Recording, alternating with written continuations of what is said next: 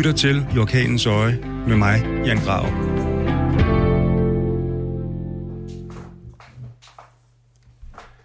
Velkommen til I Orkanens Øje. Jeg er stadigvæk i karantæne, isolation, efter min sygdom. Øh, jeg er blevet rask, og har det i virkeligheden øh, på alle måder, øh, som jeg havde det inden det her. Men jeg følger selvfølgelig alle Sundhedsstyrelsens øh, forhåndsregler, øh, og alle de, øh, alle de retningslinjer, der bliver udstukket fra henholdsvis politiet og Sundhedsstyrelsen og ikke mindst vores regering. Det er, øh, hvilket jeg tror, det er for alle, hårdt at være i isolation.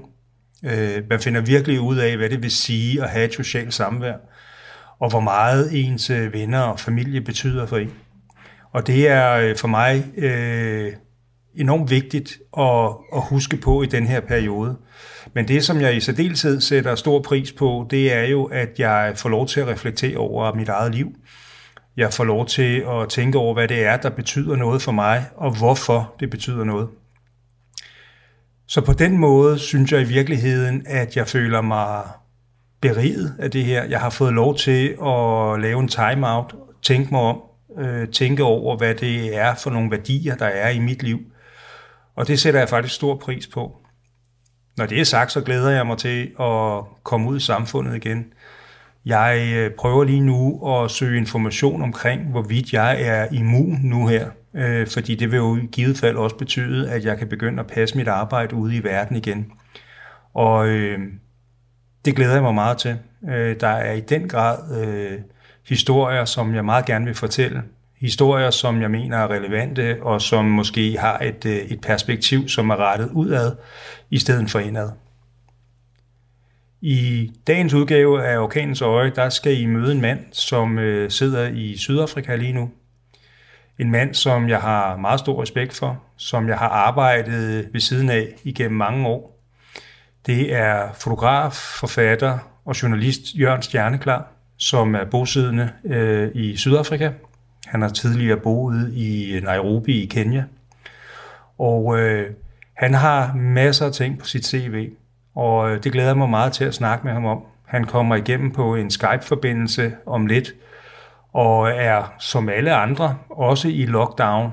Det er sådan, at den øh, sydafrikanske regering har beordret fuldstændig lockdown for alt og alle øh, de kommende 21 dage, men alle tror, at det kommer til at vare længere. Lyden kan svinge lidt, det håber jeg, I bærer over med, men igen, velkommen til Orkanens Øje.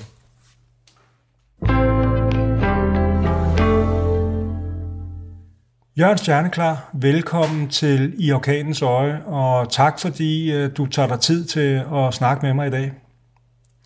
Jamen, det er så lidt tid har vi nok af, fordi vi er jo blevet spadet inde hernede i Sydafrika, så du er velkommen. Tak for det. Øh, kan du ikke lige fortælle mig, hvad er, øh, hvad er status i Sydafrika PT i forhold til øh, coronavirusen? Øh, torsdag midnat blev landet lukket ned. Øh, præsidenten havde været ude og fortælle os alle sammen, at sådan her skulle det være.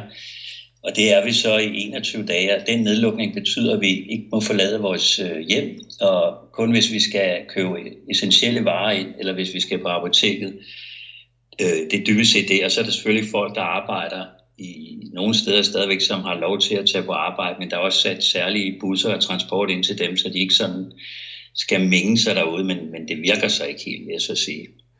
Nej, jeg tænker, det må da være svært med, med alle de townships, der er rundt omkring. Altså, det må da være utrolig svært at, at håndhæve øh, de her regler.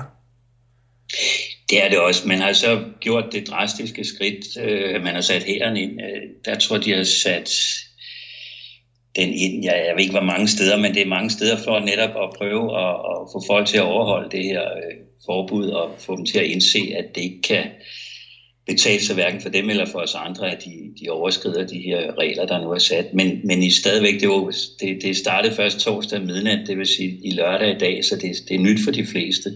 Og folk skal jo have tid til at lade sig noget synge til bunds, fordi man er vant til at gøre, som man gør. Og især i townshipene, som du nævner, hvor folk bor ekstremt tæt, der er det jo en del af kulturen, at man er sammen ude på gaden, og man flinter rundt og snakker med Gud og hver mand. Og øh, de har en helt anden kultur, end vi har i Danmark, så, så det bliver svært.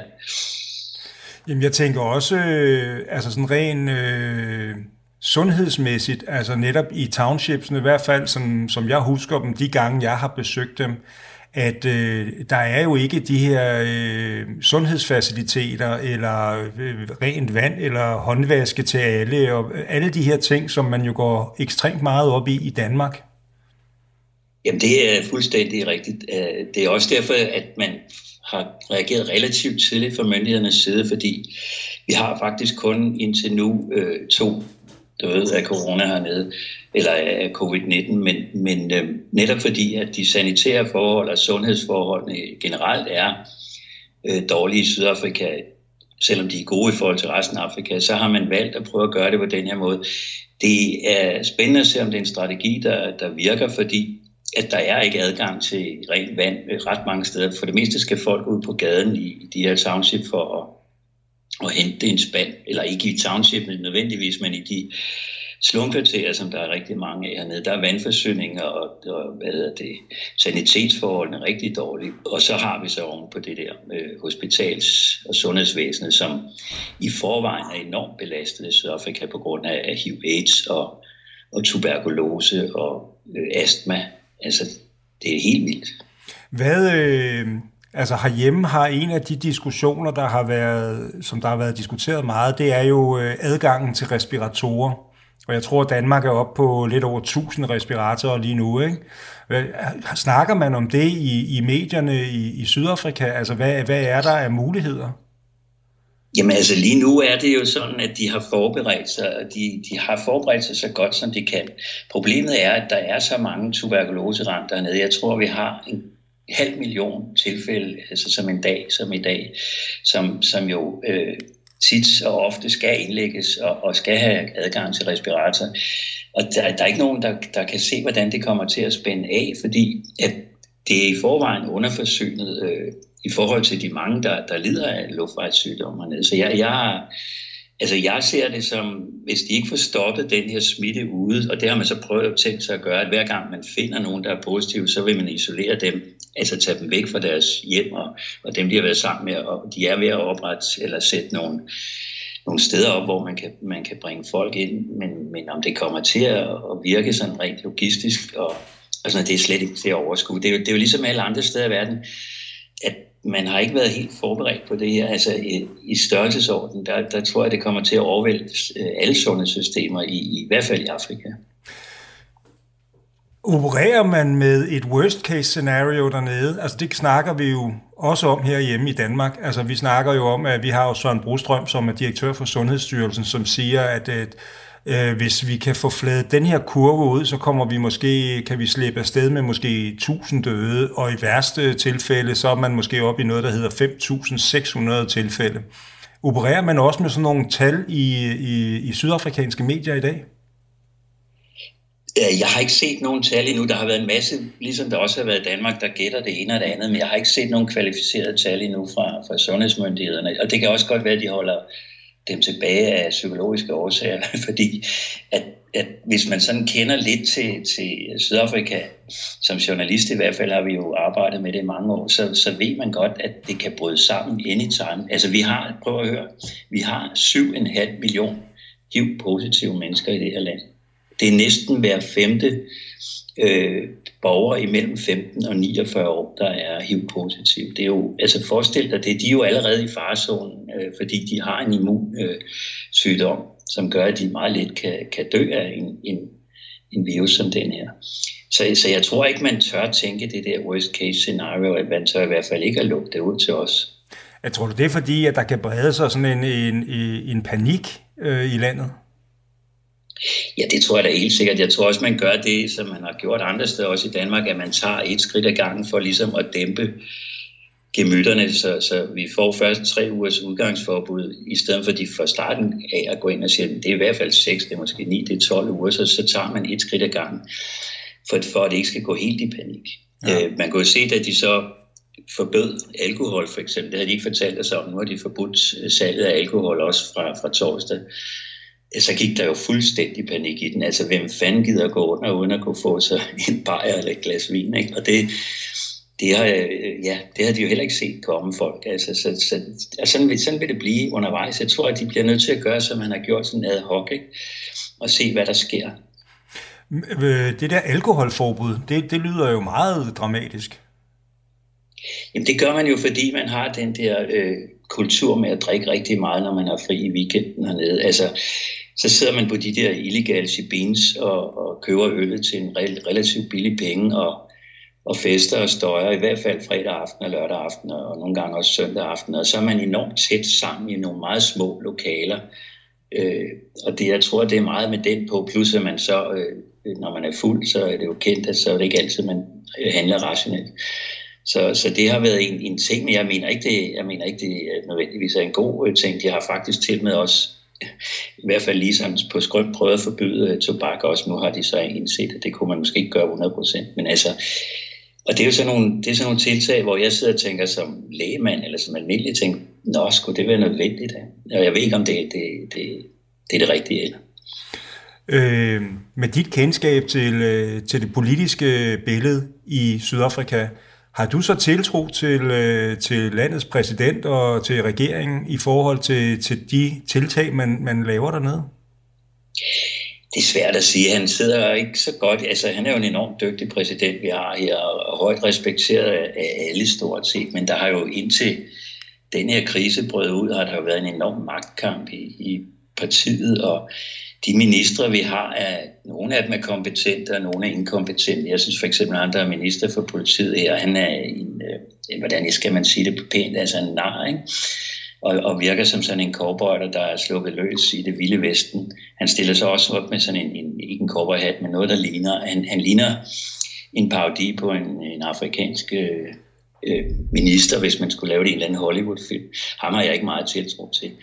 Men vi må se, Øh, grunden til, at jeg også gerne vil snakke med dig, Jørgen, det er jo fordi, at øh, du er måske den mand i Danmark, øh, den dansker, som er bosiddende i Afrika sammen med din kone Helle Maj, som har det største indblik i Afrika, øh, altså hen over kontinentet, øh, fordi du jo har rejst så meget øh, overalt i, på kontinentet, og har også været bosiddende i, i Kenya og har også meget stærke meninger om det her. Øh, og dem har du jo ofte ytret. Øh, jeg kunne godt tænke mig at høre, øh, hvordan du stiller dig i forhold til netop den her virus. Øh, fordi noget af det, jeg har plæderet for herhjemme, og som jo jeg har formuleret utrolig dårligt, og faktisk tilegnet hele sidste program, det var jo bare i virkeligheden at sige undskyld, fordi jeg havde nogle meget kyniske øh, betragtninger omkring det her.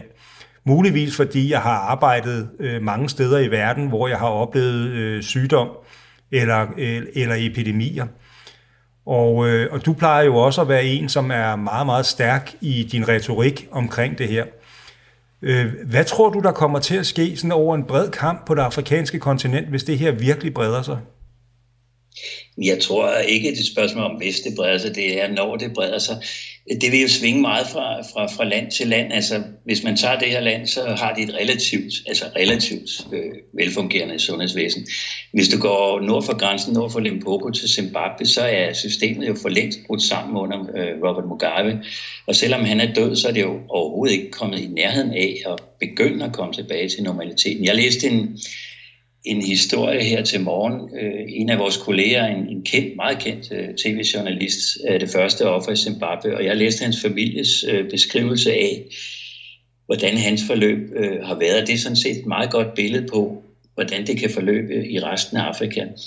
Fordi Zimbabwes sundhedsvæsen er kørt sådan ned, øh, så har man ikke de helt elementære nødvendige redskaber. Selv for en kendt mand, hvis far er mediemogul og er virkelig rig og har tætte kontakter til toppen af styret i Zimbabwe, sådan, sådan en mand dør. Og han dør på grund af en ting. Der var simpelthen ikke nogen øh, respirator på det hospital, han blev sendt hen på. Det største hospital i byen, hvor det eneste sted, de har, en, er en isolationsstue. Ikke? Men de havde bare ikke en respirator, fordi de har ikke fået penge fra regeringen, fordi at de bliver styret, øh, Harare hovedstaden i Zimbabwe, bliver styret af oppositionspartiet. Og så har man valgt ikke at, at støtte dem med de midler, man ellers havde afsat til den her øh, epidemi. Og det er sådan et meget godt billede på øh, Afrika, hvordan det kan gå. Fordi hvis man som en, der er i medieeliten, og hvis far er meget rig og har tætte kontakter til toppen af styret, stadigvæk dør, fordi der ikke er en respirator på hospitalet, så ser det fandeme ikke godt ud for resten af Afrika. Og det synes jeg, det var sådan, for mig var det sådan et skræk scenarie i dag, da jeg læste, hvordan familien havde plæderet for det ene og det andet, men personalet på hospitalet har ikke engang de mest nødvendige beskyttelsesudstyr til dem selv. Der var ikke noget vand. Det er altså på et stort hospital i hovedstaden, i en ellers tidligere velfungerende nation. Og i forhold til de mange de andre lande, jeg kender, Zimbabwe har en enorm veluddannet befolkning i forhold til resten af Afrika, også i forhold til Sydafrika, så, så løb det mig koldt ned ad ryggen, virkelig, da, da, jeg, da jeg læste op på den historie, fordi Forestil dig nogle af de lande, hvor det slet ikke fungerer. Du har også selv været der, men altså nogle af de fattige lande i Afrika, hvor hospitalerne ligner noget fra middelalderen, øh, når de er bedst, så kan jeg kan slet ikke, altså jeg kan slet ikke holde det ud og tænke på, hvordan det kan komme til at gå. Det er jo ikke fordi, man ikke er vant til, at folk dør af alle mulige sygdomme hernede, fordi det er man, men netop derfor er de jo også svækket. En stor del af befolkningen øh, er svækket. De siger hele tiden, de er kloge den her corona, jamen Afrika har en fordel, fordi øh, de har en meget ung befolkning, over halvdelen af under et eller andet. Øh, jeg kan ikke engang huske, men, men det er jo også til dels rigtigt, men det er bare ikke rigtigt alligevel, fordi at børnene hernede dør for eksempel af malaria. Altså, der er, jeg tror, øh, omkring 400.000 om året, der dør af malaria i Afrika. Og de 90 procent af dem er børn. Det vil sige, de har øh, en malaria i kroppen nu allerede, det har man jo mange steder. Hvis de så oven i købet bliver smittet med en, en, en coronavirus, jamen så dør de med sikkerhed. Altså jeg kan slet ikke, jeg kan slet ikke holde ud og tænke alle de her scenarier ud, fordi det kan, jeg, jeg, altså, jeg hader at være sådan noget dommedags profet eller noget, men fordi jeg netop har rejst så meget og set, hvordan forholdene er derude, så kan jeg altså godt blive lidt øh, klam ved tanken her. Jeg kan jo huske et sted, som, øh, som vi begge to var, øh, nemlig i Goma i Zaire under koleraepidemien der.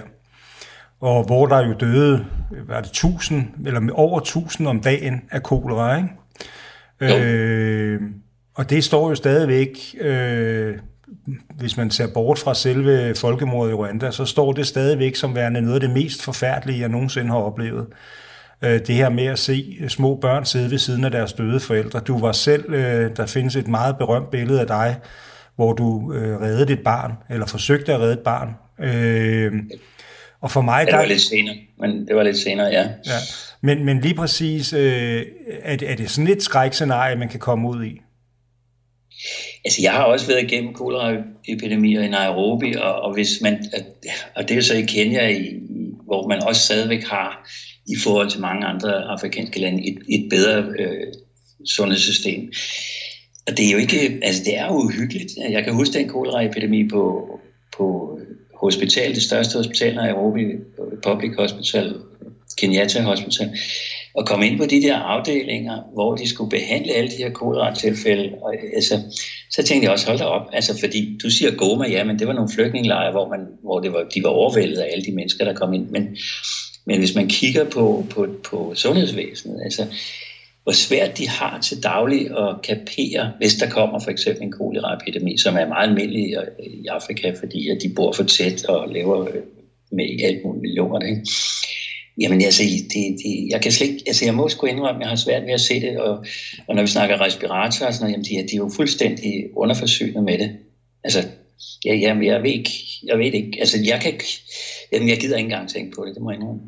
Altså, noget af det, som, som jo... Øh som også har bekymret mig meget, det er jo lige præcis det her. Altså, jeg er jo enormt bange for, at den måde, øh, som vi jo lukker os om os selv på i Europa, og har ført gjort det over mange år. Altså, hvis man bare tager øh, flygtninge hen over Middelhavet, eller de flygtningelejre, der ligger på Lesbos i Grækenland nu, osv., øh, som nu har man jo på Lesbos fået konstateret de første tilfælde af corona, øh, dog blandt grækere, ikke op i selve flygtningelejrene.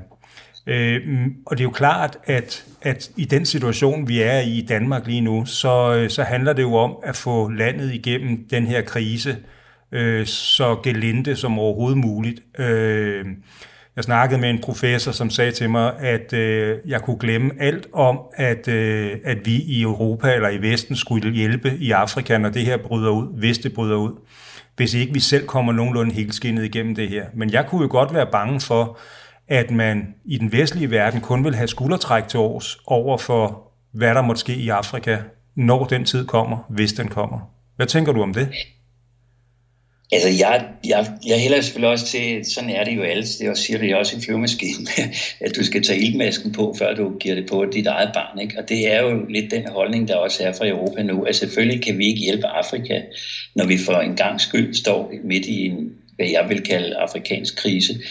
Så selvfølgelig skal, skal de europæiske lande komme på fod, før de kan tænke på at, at hjælpe hernede. Det vil sige, at de europæiske læger skal jo hjælpe folk i Europa. De kan jo ikke tage til, til et afrikansk land og, og hjælpe til dernede. Det kan jeg ikke forestille mig, at vi har kapacitet til selv. Og sådan vil man jo være som menneske, men jeg synes da også, det er en fornuftig strategi. Det må jeg indrømme. At først så skal man selv være klar, øh, før man kan hjælpe den næste. Øh, det gør man jo også. Altså, jeg har stået på, på hospitaler og set, hvordan læger skal vurdere folk, øh, for eksempel i, i en koleraepidemi. Altså man bliver nødt til at sige, om okay, hvem eller øh, en sultepidemi, eller hvem, hvem klarer sig bedst her. Ikke? Og, så, og det tror jeg er den overordnede, og, og sikkert også den rigtige beslutning øh, at lave lige nu. Og så må vi jo se, der er ikke nogen, der ved, hvornår Europa kommer ud af, af det, der sker lige nu. Øh, det, det ser ud som om, det ikke går så stærkt, som folk tror. Jamen, det, er jo også det, det er jo også det, vi hører herhjemme. Jeg tænker jo også meget ø- økonomien i det her. Altså, jeg tror, Danmark er oppe på 340 milliarder i, i hjælpepakke i Danmark alene. Øh, man kunne jo godt forestille sig, at når at det her det flader ud, øh, eksempelvis hjemme eller i Europa generelt, at så smækker man altså pengekassen i, fordi så kommer der jo et kolossalt økonomisk øh, rengøringsarbejde eller oprydningsarbejde for at få, få landet på fod igen. Det tror jeg også, man vil gøre, men jeg så da, at, at regeringen havde plæderet, at de ville sende en milliard kroner til Afrika i forbindelse med den her corona øh, Øh, virus. Det forslår selvfølgelig ikke ret meget, men, men jeg synes, at signalet har været, at man godt vil hjælpe, men, men man bliver nødt til lige at og en milliard er faktisk meget øh, set i dansk øh, altså, sammenhæng. Så jeg tror ikke, jeg tror ikke, at man, man vil have den der, nu kan I passe jer selv ting, fordi man ved godt på lang sigt, meget lang sigt, så skal vi sørge for, at afrikanerne har det bedre, end de har det i dag, for ellers så kommer de alligevel op til os. Ikke? Det må, det må, der må være en eller anden form for rationale der gør, at man, man vil gøre sit bedste. De snakkede også om, før alt det her skete, at en eller anden Marshallplan, og hvad ved jeg for Afrika. Ikke? Så jeg tror ikke, at det på lang sigt kommer ud af politikerne eller, eller beslutningstagerne, beslutningstagernes øh, billede. Det tror jeg ikke. Men det bliver selvfølgelig sat tilbage til start på en eller anden måde. Øh, hvis man skal prøve at snakke om noget andet, som jeg godt kunne tænke mig at snakke med dig om, så er det jo selvfølgelig, at, at vi to har jo en fælles baggrund, øh, og har nogle, måske også nogle ar på sjælen i forhold til, til Rwanda. Det synes jeg, vi i virkeligheden, det ville, kunne jeg meget, meget godt tænke mig at snakke med dig om ved en anden lejlighed. Øh, men, men kan du godt se, altså det lyder som om, du, du holder en, en, øh, en fornuftig journalistisk distance i det her. Altså du i virkeligheden øh, angriber det her meget mere rationelt, end, end jeg har været i stand til. Jamen det er jo fordi, jeg synes, at det er jo en af de ting, jeg har oplevet her, da, da krisen for alvor slog igennem i Danmark på min øh, Facebook-side, hvor mange sundhedseksperter Danmark har, og det er jo helt overvældende når man læser, hvad folk ved om, om corona og smittebehandling, og hvordan man fører politik i en krise og sådan noget. Altså, dem kunne man måske øh, helt ærligt sende til, til Afrika, fordi det er utroligt, som folk kloger sig. Og, og, og sådan har jeg det også med det her. Jeg skal altså ikke kloge mig på, på, på, på Afrikas vegne her. Jeg prøver, jeg kan rise nogle scenarier op, men, men, men det er så også det. Men jeg ved jo ikke, om det går så galt, eller jeg ved jo heller ikke, om vi, vi siger, øh, at nu gider vi ikke hjælpe Afrika mere. Men jeg prøver at holde hovedet sådan nogenlunde koldt, og det ved du også alt om, man skal gøre i en, i en krise- og krisesituation. Hvis man ikke holder hovedet koldt, så dør man. Og det håber jeg så også, at, at vi gør, at, at de folk, også hernede, øh, der, der sidder ved roret i de respektive lande, øh, Øh, prøver at holde hovedet koldt. Jeg tror også desværre, at der vil være en del af dem, der bruger det til, til andre formål, altså til at få udryddet lidt blandt politiske modstandere, eller hvad ved jeg, jeg ved det ikke, men, men det kunne jeg forestille mig i hvert fald, eller ligger nogle restriktioner på, som ikke er nødvendige, fordi at så kan man lige gøre nogle andre ting. Det, jeg ved det ikke, men det tror jeg vil ske nogle steder. Men man bliver nødt til at forholde sig roligt. Altså, er der noget, der er roden til alt ondt her i livet, så er det panik i hvert fald. Så det er, jeg er ikke typen, der, der gør det i hvert fald. Det gør jeg sgu ikke. Heller ikke med det. Noget af det, som, som jeg også har fulgt meget med i øh, herhjemme, det er jo, at jeg kan se i mediebilledet, at, at nu kommer der, nu begynder der at komme kritiske røster. Og der kommer også, øh, der begynder også at komme øh, flere økonomer på banen, som begynder at behandle noget, som, som jeg tidligere har arbejdet meget med, blandt andet øh, på Afrikas Horn i Somalia og i Somaliland. Det er værdien af menneskeliv. Og lige nu der opererer man jo herhjemme med nogle kalkyler, hvis man ser på, hvad øh, hjælpepakkerne har kostet, og hvad det koster samfundet øh, økonomisk i forhold til arbejdsløshed og virksomheder, der går konkurs, og små og mellemstore virksomheder, som formentlig aldrig kommer op igen, så snakker man jo om, at, øh, at, at de menneskeliv, som bliver reddet herhjemme, øh, at der kommer man helt op omkring en milliard, et sted mellem en milliard og to milliarder kroner per, per liv. Hvad tænker du om det? jamen så kan man jo ikke regne noget ud. Altså man bliver nødt til at forholde sig til, om man har et samfund, der skal fungere, eller man har et samfund, der ikke skal fungere. Hvis man bor i et velfungerende samfund, så betyder hver borgers liv noget. Det kan man ikke gøre op i kroner og øre. På et tidspunkt kan man måske sige, okay, der tog vi fejl, men hvad gør vi så? Men man kan ikke fra start af at sige, når nu isolerer vi alle de gamle et eller andet sted, altså, og det er jo prøvet før i verdenshistorien, og så øh, sender vi dem et eller andet sted ind, og så kan de ligge og dø, indtil de ikke dør længere, og så øh, må vi så tage os af resten den unge befolkning. Sådan mener jeg ikke, man kan, man kan reagere som samfund. Der har man en, en, en kontrakt med hver enkelt borger. Altså hver enkelt borger betyder lige meget. Jeg, jeg har svært ved at have øh, det menneskesyn, især når man bor i et, et velfærdssamfund som det danske, hvor at, at hele, hele samfundsstrukturen, hele vores fundament, vi vokser op med, vores forældre vokser op med, handler om solidaritet og om, at man står sammen i, i, i krisetider og krigstider og også til hverdag. Øh, jeg har svært ved at lave den kalkyle. Det kan godt være, at man kan gøre det nogle steder i visse dele af samfundet og sige, Nå, men er det så for høj en pris? Og det, det, det, altså, hvis den øh, økonom, der sidder og regner på det her, hvis det er hans mor, vil han så sige det samme? Altså, det, det er svært at sige. Det tvivler jeg da på. Altså, det det er jeg, jeg, altså, hernede er det jo ikke et issue, for hernede i Afrika, der dør folk øh, jo hele tiden af alt muligt. Hernede prøver man at redde økonomien, tror jeg, først og fremmest, før man prøver at redde folk, hvis, hvis jeg skal være lidt kynisk, men, men de to ting hænger jo så sammen.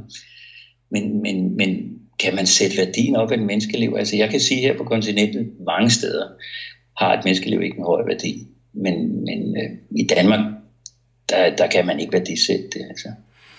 Og det er meget interessant, at du ser det på den måde, fordi, fordi jeg synes jo, altså jeg, jeg har jo senest i Somalia oplevet en kvinde, som var gået 500 kilometer, gået, kørt, øh, for at komme frem til, øh, til en, en, en help clinic, med sit barn, som var svært underernæret. Ikke? Og, øh, og jeg oplever jo, at de her mennesker er lige så ulykkelige, som man er i Danmark, hvis man mister et barn, eller hvis man øh, går igennem øh, noget så, så brutalt som at se ens barn lide. For mig at se, er der jo ikke nogen forskel, øh, og det kan jo godt være, altså folk, som jeg snakker med herhjemme, siger til mig, jamen prøv at høre, det er jo bare Afrika. Altså, de har jo reelt kun skuldertræk til års. De er vant til det. Det, det går nok. Mens at jamen det, ja. jamen det, det, det, det, det er jo ikke det, jeg snakker om. Jeg snakker ind om, hvordan man ser fra det fra samfundets side. Hvis du snakker med en afrikansk mor, der har mistet sin, eller ved at miste sit barn, så er hun selvfølgelig lige så ulykkelig, som, som du vil være, eller jeg vil være, eller hver dansker vil være. Det, det er jo ikke et issue. Det er jo dumt at tænke sådan, at, at fordi de, har, de er så mange, de har så mange børn, og de har en stor familie, at de ikke lider lige så meget som mig. Jeg hader alle de der fordomme, der er om Afrika. Det er jo ligesom, man, man tror, at de er enormt glade hernede, og de ikke lider depressioner. Afrikanerne lider lige så meget depression, som, som vi gør i vores del af verden. De begår også selvmord og alt muligt. Altså, alle de der ting er ikke det, jeg snakker om. Jeg snakker om, at man fra samfundets side har en, en mere øh, tilbagelænet holdning til menneskeliv hernede, fordi at, at, at mange steder er økonomien på hælene, og mange steder øh, ved man egentlig ikke, hvad man skal gøre til daglig alligevel, øh, altså til hverdag, hvor, hvor der ikke er nogen øh, virus i omløb. Det er så, så det er mere den kalkyl, jeg, jeg tror, der er, så, at hvor eliten hernede måske er en snært mere kynisk i forhold til resten af, af befolkningen. Altså, fordi øh, tage landet her, Sydafrika, som er nok det, et af, måske det mest ulige land i verden i forhold til indkomst, altså hvor vi har nogle sindssyge rige mennesker, som virkelig er rige, og så har vi en kæmpe, kæmpe del af befolkningen, som er fattig. Og der kan det da godt være, at der er sådan et menneskesyn, som også det, øh, der, der kommer til, til grund for det, du siger der med at regne ud, hvad koster et dansk menneskeliv. Men, men det, jeg ved ikke, altså jeg, jeg tror bare, man fra, fra øh, altså fra, fra mange regeringer side, det er jo fordi, vi har vist, altså syd for Sahara, nej, jeg snakker kun om syd for Sahara, det er mit arbejdsområde, der har man jo øh, nødvendigvis, øh, bliver man nødt til at tage nogle skridt, som, som gør, at man ikke kan redde alle menneskeliv, som, som vi prøver på i Danmark, men og det bliver man nødt til at erkende, fordi at, at staterne er så fattige af den ene og den anden grund, det er der mange grunde til, øh, at man siger, at det er bare ærgerligt, så må de dø. Ikke? hvor at det er jo ikke et, et menneskesyn, jeg kan stå indenfor, og heller ikke et menneskesyn, jeg synes, man skal, man skal give udtryk for i, i Danmark, heller ikke når vi snakker om afrikanerne. Øh, du er jo som jeg, og det er din kone Helle jo også, øh, I er jo selvstændige, I freelancer på, på lige vilkår med mig. Øh, hvad, øh, hvordan får I det her til at fungere sådan helt øh, personligt? Altså, øh, du kan jo ikke arbejde på den måde, som du plejer at arbejde på, og jeg gætter, det kan Helle vel heller ikke. Hvad, hvad gør I i den her situation? Fordi det rammer jo også herhjemme nu. Der sidder masser af øh, selvstændige journalister og fotografer og designer og art directors, som jo, som jo styrer lige lugt mod afgrunden lige nu, fordi alt står stille. Hvad, hvad, hvordan kan I klare det her? Jamen det kan vi sikkert heller ikke. Altså det vil tiden vise jo. Altså vi har jo altid haft det som øh, udgangspunkt i vores forretning, at det kan kun gå galt. Og så vil det så være, øh, at vi vil gå på røven, det kan, det kan meget vel ske i den her sammenhæng. Altså, men, men du kan jo ikke gøre noget, det hjælper ikke at sidde og hive sig selv i håret og, og græde snot over det. Det vi har gjort, som, som vi altid har prøvet at gøre i vores freelance-karriere, det er at skrue ned for udgifterne, sådan så jo ældre vi blev, og jo mindre vi egentlig tjener øh, at, at det stod i mål med vores indtægt i udgifter, vi havde. Det har vi så også gjort øh, igennem nogle år nu, så vi i dag have minimeret vores udgifter, men det er da klart, hvis, hvis øh, det her bliver ved med at være lukket ned, og, og vi kommer jo til at blive ramt af det meget længere tid, end jeg er, fordi det lige startede her, jamen så må vi jo øh, dreje nøglen om, altså så, så ved jeg ikke, hvad der sker, men, men så langt tænker vi jo ikke nu, fordi det er der ingen grund til. Vi bliver nødt til at se, hvad tiden viser, og så må vi jo håbe, der, efterfølgende eller undervejs er nogen, der, der mener, at de kan bruge vores ekspertise, sådan, så vi kan tjene lidt. Men det er der jo ikke nogen garanti for. Du ved lige så godt som jeg, hvor svært det er at sælge Afrika alligevel til daglig, hvor der ikke er, er krig, øh, eller krise i Danmark med, med sygdom. Og, og det her, der kan ikke sælge noget, at de, de, de lukker ned nu, Berlingeren fyrer folk, og de andre aviser begynder at lukke ned og sådan noget. Altså, så glem med at tjene penge hos de der medier. Vi må bare sidde den ud, og så må vi se, om vi kan, om vi kan klare den, og hvis vi ikke kan klare den, jamen, så kan vi klare den. Altså, sådan er vi indrettet. Men, øh, men du kan ikke som, som journalist og fotograf få en, øh, en specialtilladelse til at bevæge dig rundt i samfundet og, og dokumentere eller rapportere øh, sådan i dybden omkring, hvordan tingene udvikler sig i, i Sydafrika lige nu? Jo, jeg må godt tage ud her, hvis jeg har mit, mit pressekort med mig, og, og altså klædt på med maske og gummihandsker, og, og kan bevise, at jeg skal ud og lave en, en historie et specifikt sted her i Cape Town og omegn så må jeg godt tage ud øh, og kan komme igennem de der politiafspærringer og sådan noget. Men, men der er jo ikke nogen, der vil have historien, så, så det kan jo sådan set være lige meget hvis, altså, at udsætte sig selv for smitte, hvis, hvis du ikke kan komme af med det.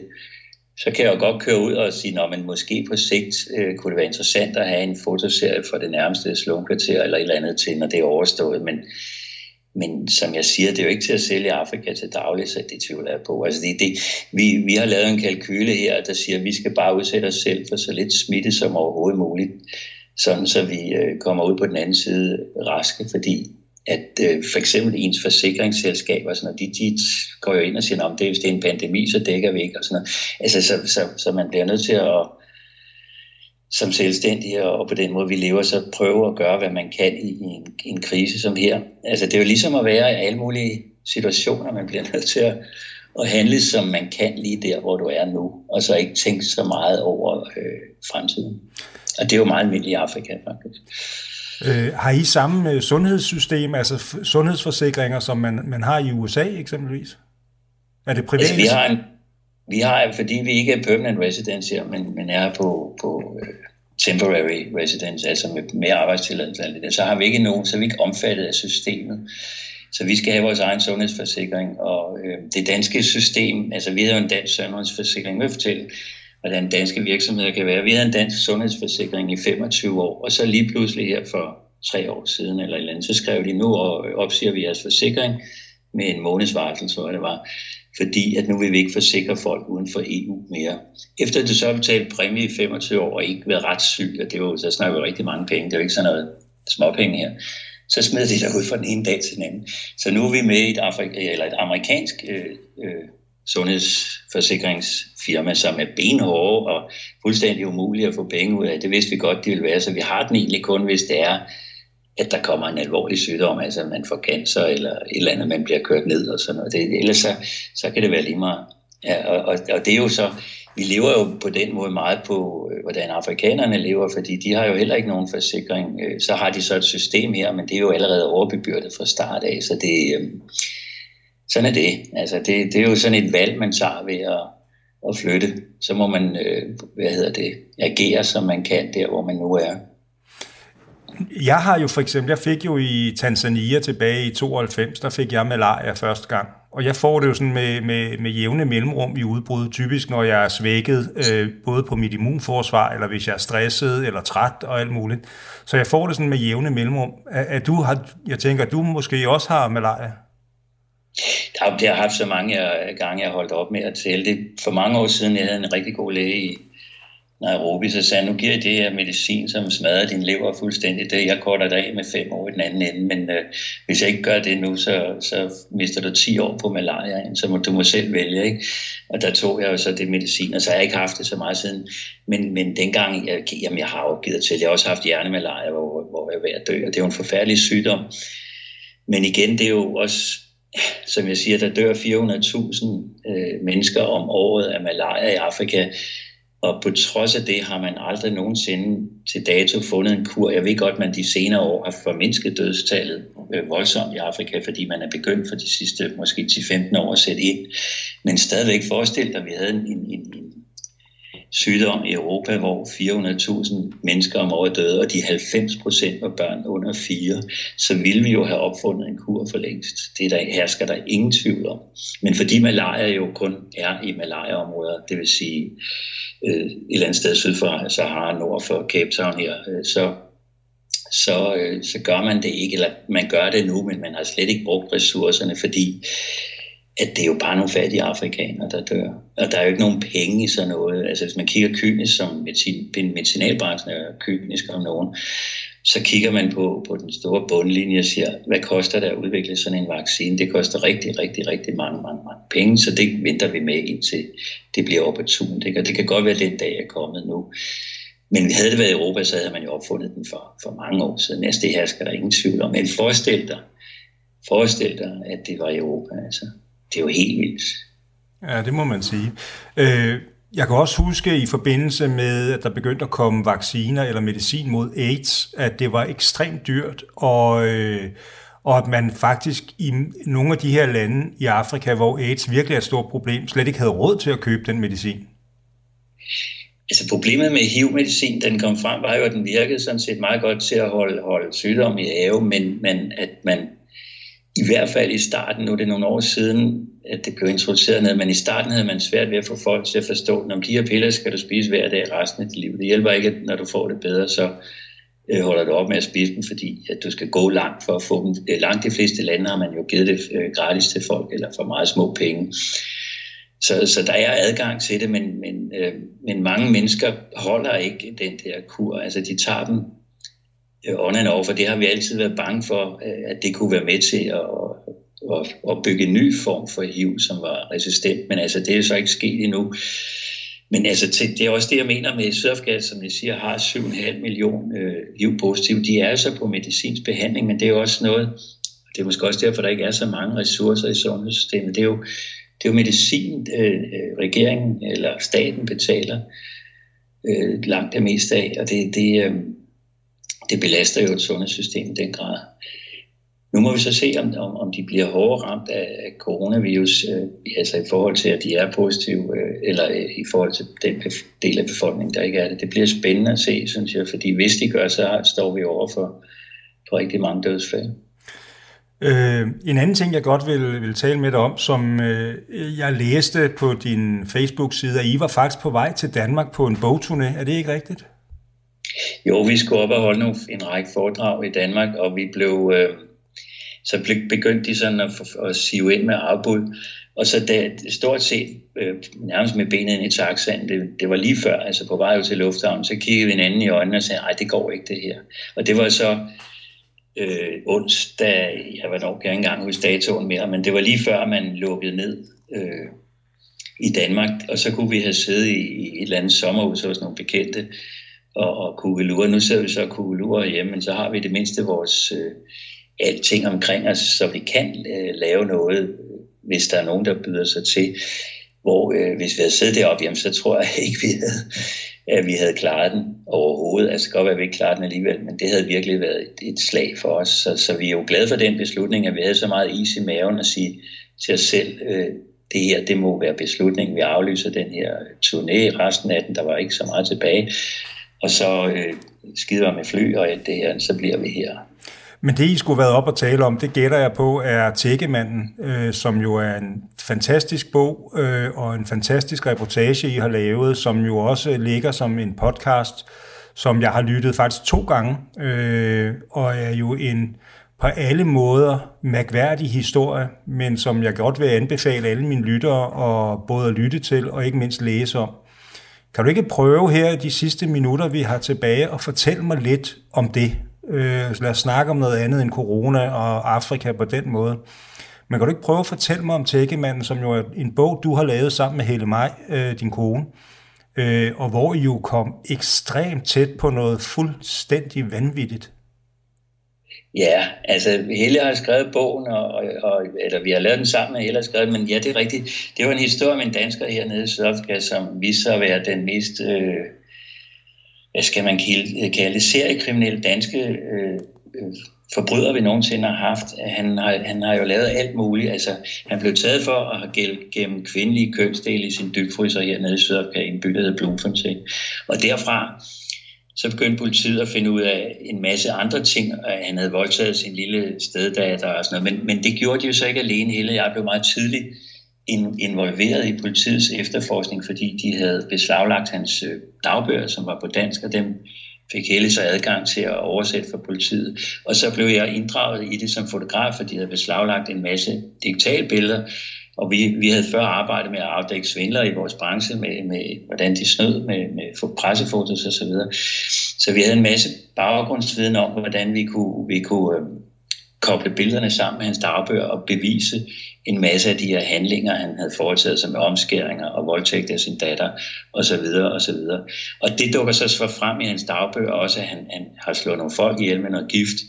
Og så da han fik sin dom hernede, hvor vi jo havde været en stor del af efterforskningen og vidnet i retten og alt det her, så besluttede vi os for, eller lige inden selvfølgelig, at gå i gang med at finde ud af, hvad han, hvad han så lavet ellers i sit liv. Fordi hvis man har lavet sådan nogle grimme ting, og han var på det tidspunkt øh, 63, mener jeg, da han blev arresteret, så har man sgu også nok lavet noget i Danmark. Og så tog vi jo så til Danmark og, og lavede en kæmpe meget research der. Jeg tror, jeg ikke, hvor mange vi snakkede med, ikke engang talte på det, men omkring et par hundrede deromkring. omkring i hans miljø i Nordsjælland. Han kommer fra en meget rig øh, del af Nordsjælland, og hans familie også, øh, går, var også godt ved muffen, så, så han var en atypisk øh, forbryder på den måde. Og det, det kom der så en bog ud af, som hed Tækkemanden, og efter den kom så øh, podcastserien, og indimellem der kom faktisk også en tv-serie på tre, i tre afsnit, der hed Hvidmands Dagbog. Og det var det, vi har brugt øh, pænt lang tid af vores liv på. Han blev arresteret i 15, og vi, han blev dømt i 18, og vi afleverede den der podcast-serie sidste år øh, i oktober.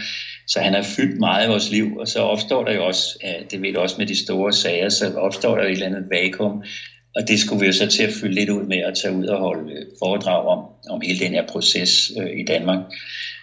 og det var, det var det, vi skulle, og nu håber vi så, at vi kan komme afsted med det til oktober, hvis der ikke kommer en ny bølge af, af coronavirus. Men I kom jo ekstremt tæt på ham, øh, altså som i, at I faktisk også blev bange for jeres eget liv på et tidspunkt, ikke sandt? Jo, jo, jo. jo. Altså, det er jo ikke første gang, vi har, vi har arbejdet med, med nogle grimme forbrydere, og på et tidspunkt så havde han jo øh, til en medfang udtalt, at han ville få statsanklageren eller anklageren, som var en kvinde, og chef efterforskeren, som var en kvinde, dem ville han få. Han, siger, han sagde det altid, ryddet af vejen, som Peter sagde, altså han ville have få dem slået ihjel. Og på et tidspunkt under den her øh, efterforskning, så får politiet, øh, eller kommer anklagemyndigheden til at give hans forsvarsadvokat øh, samtlige private e-mails, der har været mellem Helle Meier og efterforskeren. Og i den stod der så vores, øh, vi lever ellers på hemmelig adresse, stod vores adresse meget udførligt øh, øh, beskrevet, fordi politiet skulle herned og aflevere dagbøgerne første gang til Helle. Og, og, øh, og så blev vi sådan lidt klamme, fordi der havde han fået slået sin ekskone ihjel, efter han var fængslet. Han havde troet øh, anklageren og efterforskeren på livet, og vi kunne godt regne ud, hvem der stod nummer, nummer 4 og 5 på, på hans øh, interne dødsliste. Det er der ingen tvivl om, at, at vi, vi stadigvæk gør, øh, fordi han er ikke en mand, der glemmer. Det er jo en af de ting, vi, vi har erfaret med at lave research på ham i Danmark. Han er sådan en mand, der aldrig glemmer. Han er også sådan en mand, det er jo så skræmmende at møde sådan nogen, han, hvis han siger til, det han ikke gjort til os, men hvis han siger til en, jeg slår dig ihjel, så skal man ikke trække på skuldrene, så skal man kigge sig over skuldrene i stedet for. Hvad, øh, hvad endte hans dom med? Jamen han fik øh, for drabet på sin ekskone fra sin fængselscelle, altså legemor, der fik han en livstidsdom. Øh, og for øh, at have voldtaget sin steddatter, mens hun var øh, 4 til hun var 6 år gammel, fik han en livstidsdom. Og så fik han for en masse andre små ting og større ting, øh, ulovlig import af narkotika og ulovlig våbenbesiddelse og alt muligt. Der fik han 51 år og 5 måneders fængsel på toppen. Og han sidder i dag i, i Afrikas eneste supermax-fængsel, altså et fængsel, som der aldrig er nogen, der er flygtet fra. Der sidder han i en meget, meget lille celle på ikke særlig mange kvadratmeter, hvor han ikke kommer ud overhovedet. Han sidder i isolation i princippet 23 timer i døgnet, men vi, vi besøgte ham jo her i, i februar måned i det der fængsel, og der sagde han, at han har kun været ude to gange eller tre gange, tror jeg, i al den tid, han har siddet i det fængsel, og det har han gjort siden marts Øh, 2018. Så i, i to år har han kun været uden for sin celle øh, øh, på gårdtur tre gange, så har han haft besøg fem gange i alt på de to år. Han sidder der, og der sidder han jo godt. Jeg håber aldrig, at, at, at, at danske myndigheder vil være så let sindige og, og, og sige ja til, at han kan blive forflyttet til dansk fængsel, for han er sindssygt farlig. Når I øh, besøger ham, hvad siger han så? Altså jeg tænker, hvis, han, hvis, hvis, hvis I forvejen har har været bange for, at han kunne finde på at gøre noget ved jer. Hvad, hvad er så øh, bevæggrunden for at tage tilbage?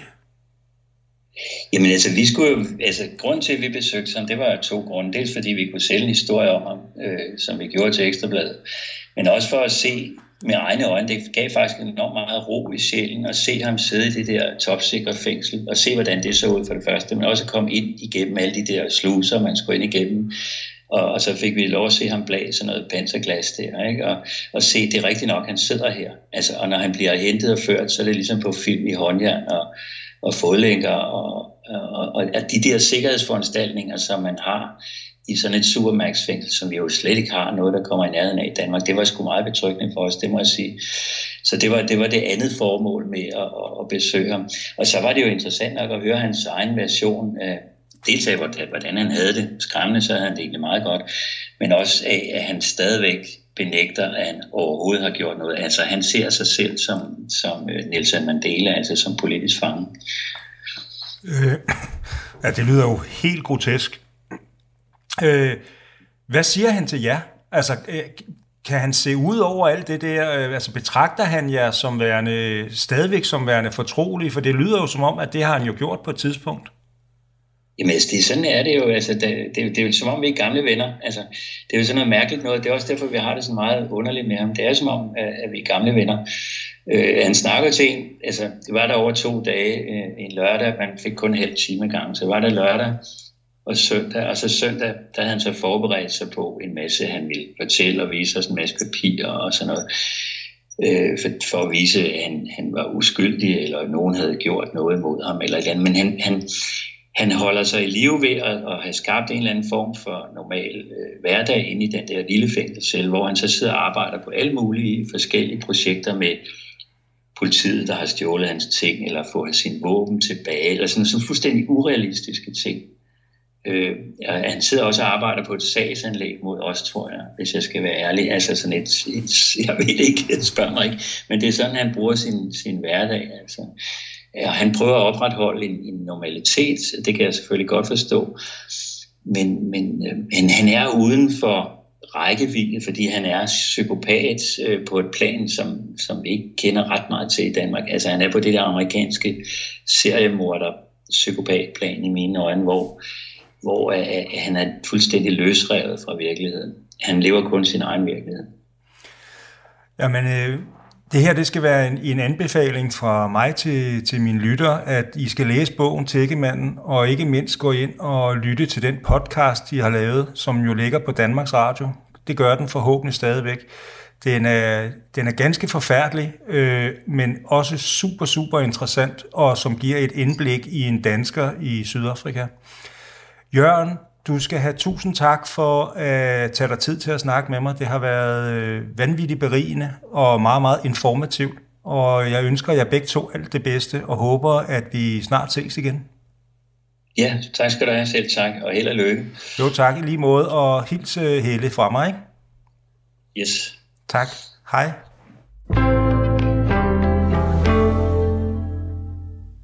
Det var Jørgen Stjerneklar, som er fotograf, journalist og forfatter, bosiddende i Cape Town i Sydafrika.